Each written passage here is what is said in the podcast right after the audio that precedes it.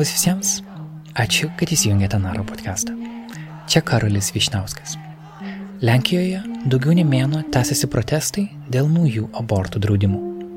Kaimininė šalis turi vienus griežčiausių abortų įstatymų visoje ES ir nori juos dar labiau sugriežtinti. Tai lemia, kad tūkstančiai Lenkijos moterų nutraukti neštumo važiuoja į Vokietiją ir kitas kaimininės šalis ir grįžta namo su stigma. Naro žurnalistė Indrė Kiršaitė susisiekė su skirtingų kartų Lenkijos moterimis, kurios kovoja už teisę į apsisprendimą savo ir savo dukroms. Indrė apie tai parašė tekstą, kurį šiandien kviečiame išgirsti. Tekstą skaito, bet jo autorė Indrė Kiršaitė. Gero klausimo.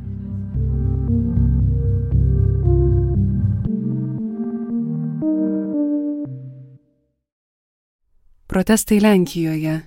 Pirmą kartą pajutau, kad esu dauguma. Lapkričio viduryje Vilnietė žurnalistė Evelina Mokžetska pasidalino su manimi Lenkijoje gyvenančios artimos draugės istoriją. Citata. Ta diena, kai Konstitucinis tribunolas paskelbė nuosprendį, šeštą mėnesį besilaukianti draugė sužinojo, kad jos vaisius turi genetinių sutrikimų ir vaikas gims negyvas. Jeigu nuosprendis būtų įsigaliojęs iš karto, ji būtų turėjusi nešioti negyvą vaiką dar tris mėnesius. Citatos pabaiga. Spalio 22 dieną Lenkijos konstitucinis tribunolas nusprendė, kad teisės aktas, leidžiantis pasidaryti abortą vaisiaus apsigimimo atveju, prieštarauja konstitucijai. Nuosprendžiui įsigaliojus, kol kas vyriausybė nusprendė jį atidėti. Lenkijos moterys galės pasidaryti abortą tik dviem atvejais. Pirmasis esant išprievartavimui ar kraujomaišai, antrasis, kai vaisius kelia grėsmę moters gyvybei. 38 milijonus gyventojų turinčioje kaimininėje šalyje praėjusiais metais buvo atlikta 1100 abortų. Palyginimui, 13 kartų mažiau gyventojų turinčioje Lietuvoje pernai buvo atlikti 6436 abortai. 2019 m. duomenimis 97 procentų visų legalių Lenkijos abortų priežastis buvo vaisiaus apsigimimas. Tai reiškia, kad įsigaliojus Konstitucinio tribunolo nuosprendžiui, Lenkijoje bus uždrausti beveik visi abortai. Tačiau tai tik oficiali valstybės kelbiama statistika. Nevyriausybinė organizacija Federation for Women and Family Planning skaičiuoja, kad per metus nuo 120 iki 150 tūkstančių Lenkijos moterų pasidaro abortą nelegaliai arba išvykusios į užsienį.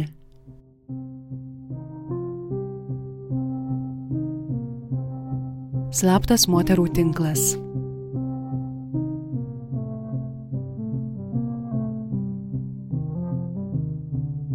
Europos šalyse veikia organizacijų tinklas Abortion Without Borders. Jis padeda Lenkijos moterims išvykti į užsienio šalį, pavyzdžiui, Vokietiją, Austriją, Niderlandus ar Junktinę karalystę ir ten pasidaryti abortą. Šio tinklo telefono numeris plus 4822 2922 597 tapo vienu iš pagrindinių šiuo metu Lenkijoje vykstančių protestų šūkių, taip pasiekdamas dar daugiau moterų. Viena iš tinklui priklausančių organizacijų yra Berlyne įsikūrusi Ciocebase. Joje dirbanti žmogaus teisų aktyvistė Zuzana Dzuban sako, kad po konstitucinio tribunolo nuosprendžio į organizaciją kreipiasi dvigubai daugiau moterų. Citata. Kai kurios iš jų šiuo metu net nesilaukia. Skambindamos ir rašydamos laiškus, jos tiesiog nori patikrinti, ar neštumo atveju turėtų galimybę pasidaryti abortą. Sako ji pokalbio metu man paskambinus iš Vilnius. Medicininio aborto kaina Berlyne svyruoja nuo 400 iki 800 eurų. Organizacija yra užmesgusi kontaktus su privačiomis klinikomis, kurios gali atlikti abortą už mažiausią kainą - nuo 400 iki 470 eurų. Citata. Tačiau moteriams atvykstančioms iš Lenkijos tai vis tiek yra didžiulė suma. Todėl toms, kurios neturi pakankamai pinigų, mes padedame finansiškai, apmokame procedūrą, taip pat kelionę bei apgyventinimą. Pasidaryti abortą kitoje šalyje tapo privilegija kainos atžvilgiu ir tai nėra prieinama visiems, sako žmogaus teisų aktyvistė. Per savaitę, padedant organizacijai Ciocebase pasidaryti abortą iš Lenkijos į Berlyną, atvažiuoja iki dešimties moterų. Zuzana Dzuban pabrėžia, kad nutraukti neštumą nusprendusias moteris psichologiškai traumuoja Lenkijoje paplitusią abortų stigmą. Todėl dažnai moterys apie savo apsisprendimą nepasako net artimiausiems žmonėms. Citata. Kartais mes esame vieninteliai, su kuriais jos pasikalba apie savo patirtį. Tai yra labai svarbi mūsų darbo dalis, sako ji. Lenkija turi ne tik vienus griežčiausių aborto apribojimų visoje Europos Sąjungoje, bet ir griežtas skubių kontraceptinių vaistų vartojimo taisyklės. Pagal šalies įstatymus gydytojai gali remtis vadinamojų sąžinės straipsnių, angliškai conscience clause, ir neišrašyti skubios kontracepcijos priemonių, jei tai prieštarauja jų įsitikinimams. Tokiu atveju moteris eina pas kitus gydytojus, kol galiausiai randa žmogų, kurio sąžiniai skubios kontracepcijos išrašymas neprieštarauja. Tačiau dažnai gydytojų paieškos užsitęsia, o skubios kontracepcijos tabletę, angliškai morning after pill, būtina išgerti per 72 valandas politinio akto. Citata. Viena iš mūsų pagrindinių veiklų yra šių tablečių pirkimas Vokietijoje ir siuntimas į Lenkiją, kad moterys jas gautų lengvai, greitai ir nemokamai, bei nepatirtų pažeminimo, gydytojui atsisakius išrašyti receptą, sako Zuzana Dzuban. Nemaža dalis organizacijos Sociabase komandos narių yra Lenkų kilmės. Zuzana yra viena iš jų, tačiau grįžti į šalį, kurioje užaugo, ji neplanuoja. Citata. Matydama, kas pastaraisiais metais vyksta Lenkijoje, niekada nesvarstyčiau sugrįžti. Niekada. Ir manau, kad tokių kaip aš yra nemažai. Žmonės Lenkijoje kasdien patiria diskriminaciją dėl lyties, taip pat ir dėl seksualinės tapatybės. Ir šiems veiksmams Lenkijos valdžia sako atvirą politinį taip. Citatos pabaiga.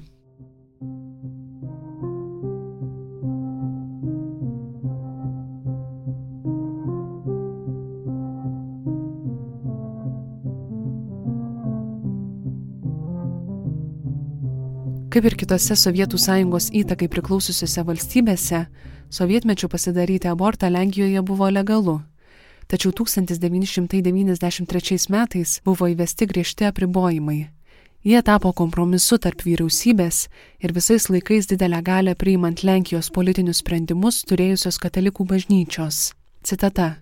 Tai buvo kaip padėka bažnyčiai už tai, kad ji padėjo kovoti prieš komunistinį režimą Bažnyčia norėjo, kad su demokratijos atkūrimu būtų atkurta ir tradicinė patriarchalinė tvarka, buvusi iki sovietmečio, tad bažnyčiai buvo atsidėkota Lenkijos moterų kūnais.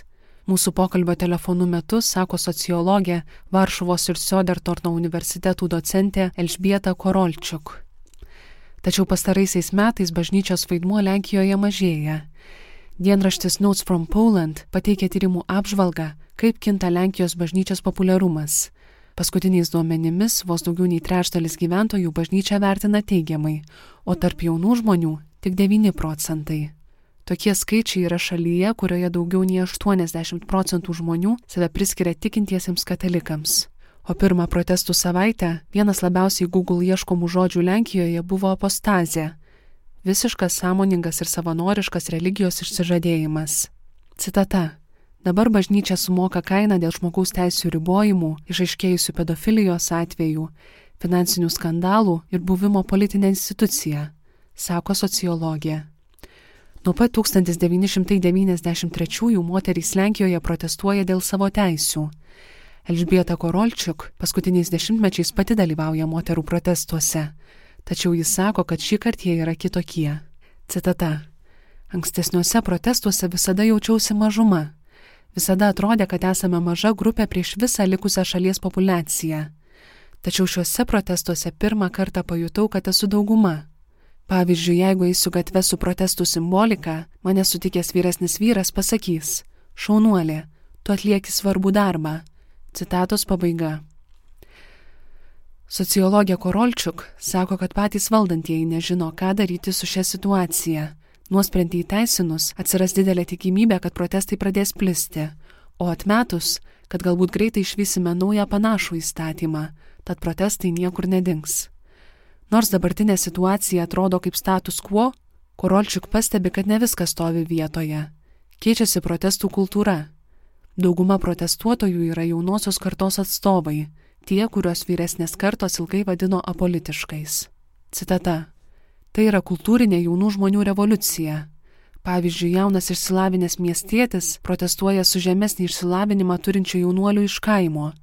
Būdami kartu, jie supranta, kad priklauso tai pačiai politiniai grupiai, o tai labai svarbu norint pasiekti pokyčių. Nemažai jaunimo nenori palikti savo šalies, tačiau jie mato, kad Lenkijoje auga autoritarinis režimas, norintis atsikratyti tų, kurie jam nepritarė, kurie netitinka jų susikurto tikro Lenko apibrėžimo. Jaunų žmonės tiesiog dusina tai, kad vyresnė karta vagia iš jų ateitį, sako Elžbieta Korolčiuk. Susisiekiau su 21 Aleksandra Sidoruk, Lodzėje gyvenančia tarptautinių santykių studente ir moterų teisų aktyviste. Citata. Einu į protestus, nes esu jauna moteris. Noriu turėti teisę rinktis, tačiau šių dienų Lenkijoje turiu už ją kovoti. Norėčiau gyventi šalyje, kuri gerbė mane kaip mąstantį žmogų, gebantį nuspręsti, ką daryti su savo kūnu, sako Aleksandra. Ji priklauso moterų judėjimui Dzievuchai Dzievuchom, lietuviškai merginos merginoms, vienai pagrindinių protestus būrenčių organizacijų, kuris socialiniuose tinkluose vienyje šimtus tūkstančių Lenkijos moterų. Aleksandra nuolat dalyvauja protestuose dėl aplinkosaugos, LGBTQ plus teisių, Lenkijos teismų nepriklausomumo. Tačiau ir ji pastebi, kad šį kartą viskas kiek kitaip. Citata. Į juos eina net mano draugai, kurie niekada nėra dalyvavę jokiame proteste. Citatos pabaiga. Pirmasias tris savaitės protestai vyko kasdien. Aleksandra dalyvavo visuose, o didžiausiuose praleisdavo net po septynias valandas. Dabar didžiausi protestai vyksta pirmadieniais. Citata. Čia sutinku įvairiausių žmonių. Taksi vairuotojai protestuoja blokuodami gatves.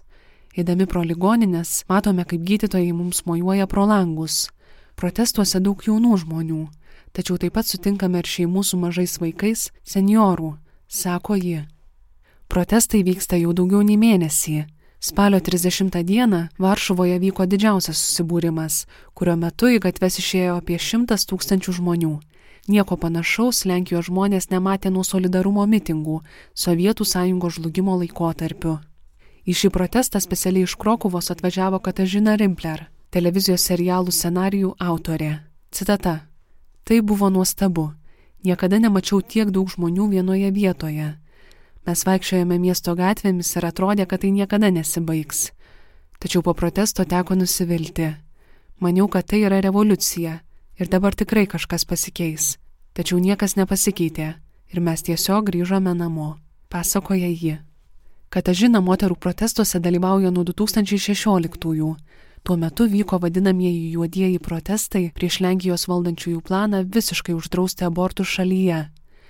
Tąkart Lenkijos parlamento nariai sureagavo į protestus ir draudimus atšaukė. Citata. Manau, kad šiandien kiekviena Lenkijos moteris turėtų būti proteste, sako Katažina. Ji yra dviejų vaikų mama. Jis sako, kad dalyvauja protestuose tiek dėl jų ateities, kiek dėl savo teisių. Citata. Man 41. Jeigu laukčiausi, dėl mano amžiaus vaisiaus apsigimimo rizika būtų didesnė. Tokiu atveju aš norėčiau turėti galimybę pasirinkti. Taip pat turiu 11 metę dukrą. Po keliarių metų ji taps pilnamete. Nenoriu, kad ji gyventų tokioje valstybėje, kokioje gyvename dabar. Nenoriu, kad kas nors kitas nuspręstų už ją. Citatos pabaiga.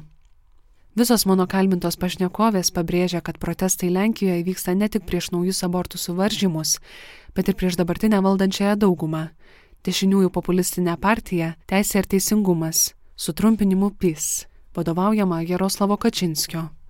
2015 metais partija laimėjo parlamento rinkimus, o pernai buvo perinkta antrą kartą. Ji remia ir dabartinį Lenkijos prezidentą Andžejų Dūdą.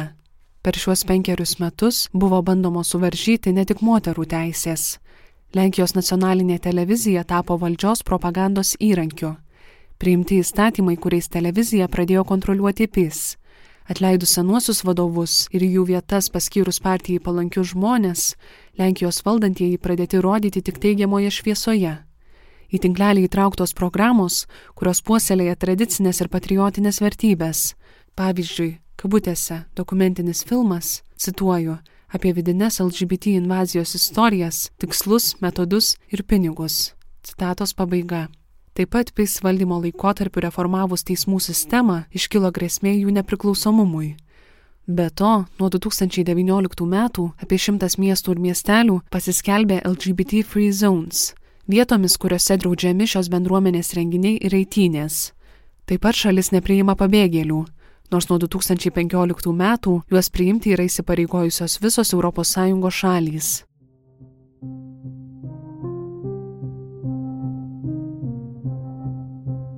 Lietuvos skliausteliuose ne reakcija.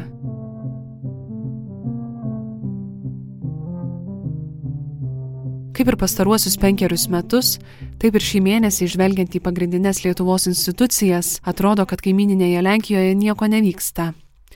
Lenkijos nepriklausomybės dienos proga Lietuvos prezidentas Gitanas Nausėda pasidalino Twitter įrašu, kuriame dėkojo Lenkijai, cituoju, už demokratinių vertybių gynimą.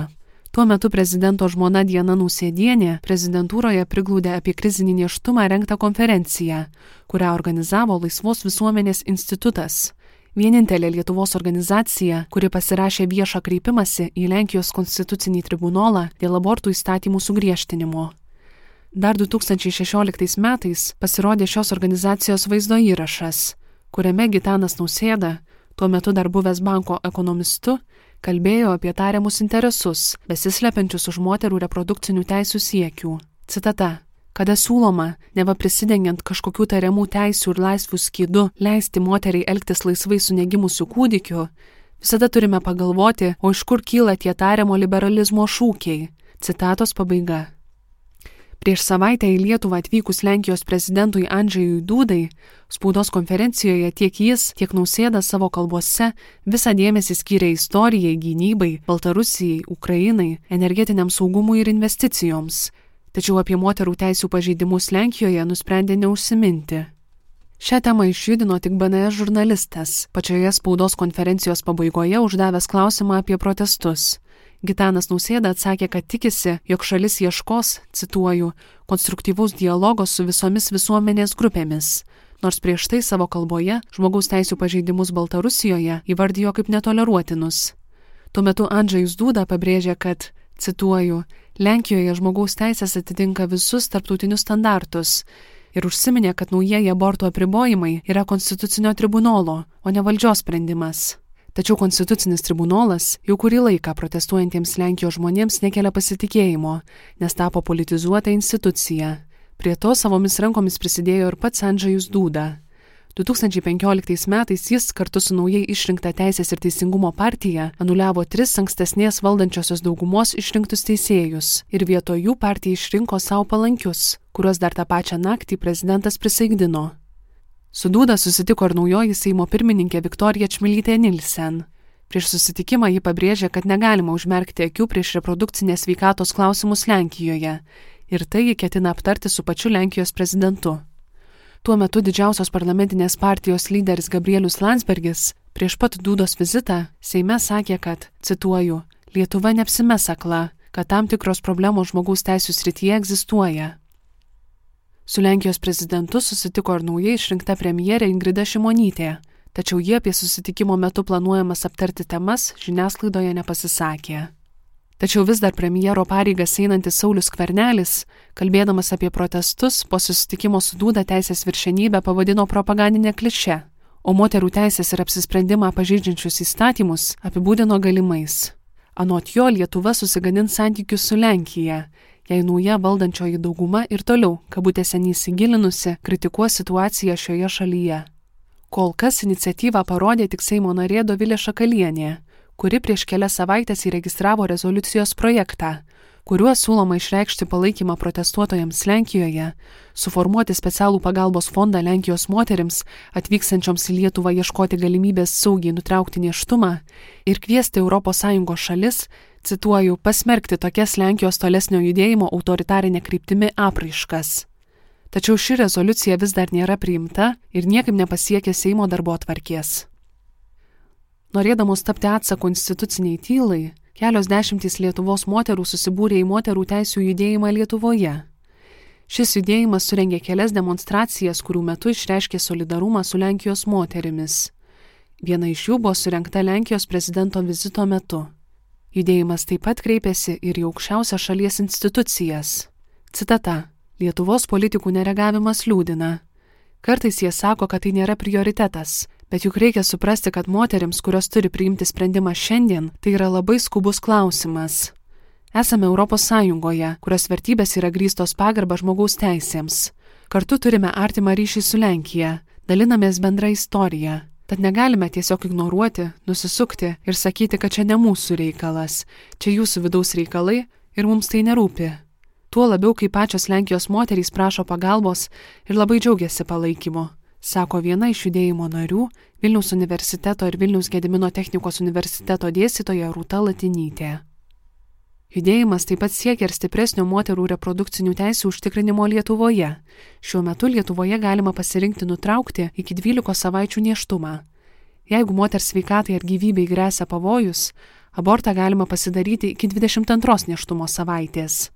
Nors turime gerokai laisvesnę pasirinkimo teisę, tačiau siekio apriboti ar net uždrausti abortus Lietuvoje atsiranda kas keliarius metus. Dažniausiai tokius įstatymų projektus Seime registruodavo Lietuvos Lenkų rinkimų akcija Krikščioniškų šeimų sąjunga. Citata. Praktiškai per kiekvieną Seimo kadenciją keliamas klausimas dėl abortų galimybės ribojimo, tad matau grėsmę Lietuvos moterų reprodukcinėms teisėms. Ypač kai iš prezidentūros jaučiame tokią paramą lenkiškajam požiūriui. Paramą, kuri netgi nėra maskuojama. Kaip ir neišsakyta, bet parodyta pozicija, sako Rūta Latinytė. Per šį laikotarpį protestai palėtė daugiau nei 580 Lenkijos miestų ir miestelių. Ir nors šiandien juose susirenka mažiau žmonių nei anksčiau, paskutinėmis savaitėmis pastebimi didesni smurto mastai. Organizacija Amnesty International teigia esanti pasibaisėjusi teisės saugos institucijų naudojama perteklinė jėga prieš protestuotojus. Taip pat praėjusią savaitę sulaikyta ir pirmoji žurnalistė. Fotožurnalistė Agata Gžibovska apkaltinta užpolusi pareigūną, tačiau vaizdo įrašuose užfiksuota, kad ji nesielgia agresyviai.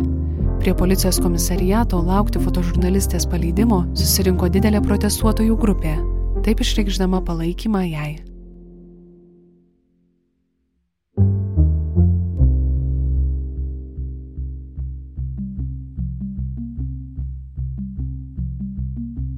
Toks mūsų epizodas šiandien. Ačiū, kad buvote kartu. Tekstą Protestai Lenkijoje. Pirmą kartą pajutau, kad esu dauguma, skaitė jo autorė, naro žurnalistė Indrė Kiršaitė. Šį tekstą ir fotografijas Kasijos Strek nuotraukas raskite tinklalapyje Nara LT. Kasija moterų reprodukcinių teisų judėjimą fotografuoja nuo 2016 metų. Tai daro ne tik Lenkijoje, bet ir tokiose šalyse kaip Airija, Filipinai, Egiptas, Salvadoras ar JAV. Jeigu jaučiate, kad informacijos apie tai, kas vyksta Lenkijoje, lietuvių kalba yra maža, mes labai kviečiame šiuo tekstu pasidalinti viešai ar privačiai, taip kaip jaučiatės, kad jums yra patogiau. Ačiū už tai. Naro podcast'o muzikos autorius yra Martinas Gailius. Už studiją įrašai dėkojame Vilniaus universiteto radijui Start FM. Naro podcast'ą galite palaikyti adresu patreon.com/naralt. Šio straipsnio ir šio audio įrašo parengimą iš dalies finansuoja aktyvių piliečių fondas. Ačiū, kad buvote kartu. Aš esu Karolis Višnauskas. Iki kitų kartų.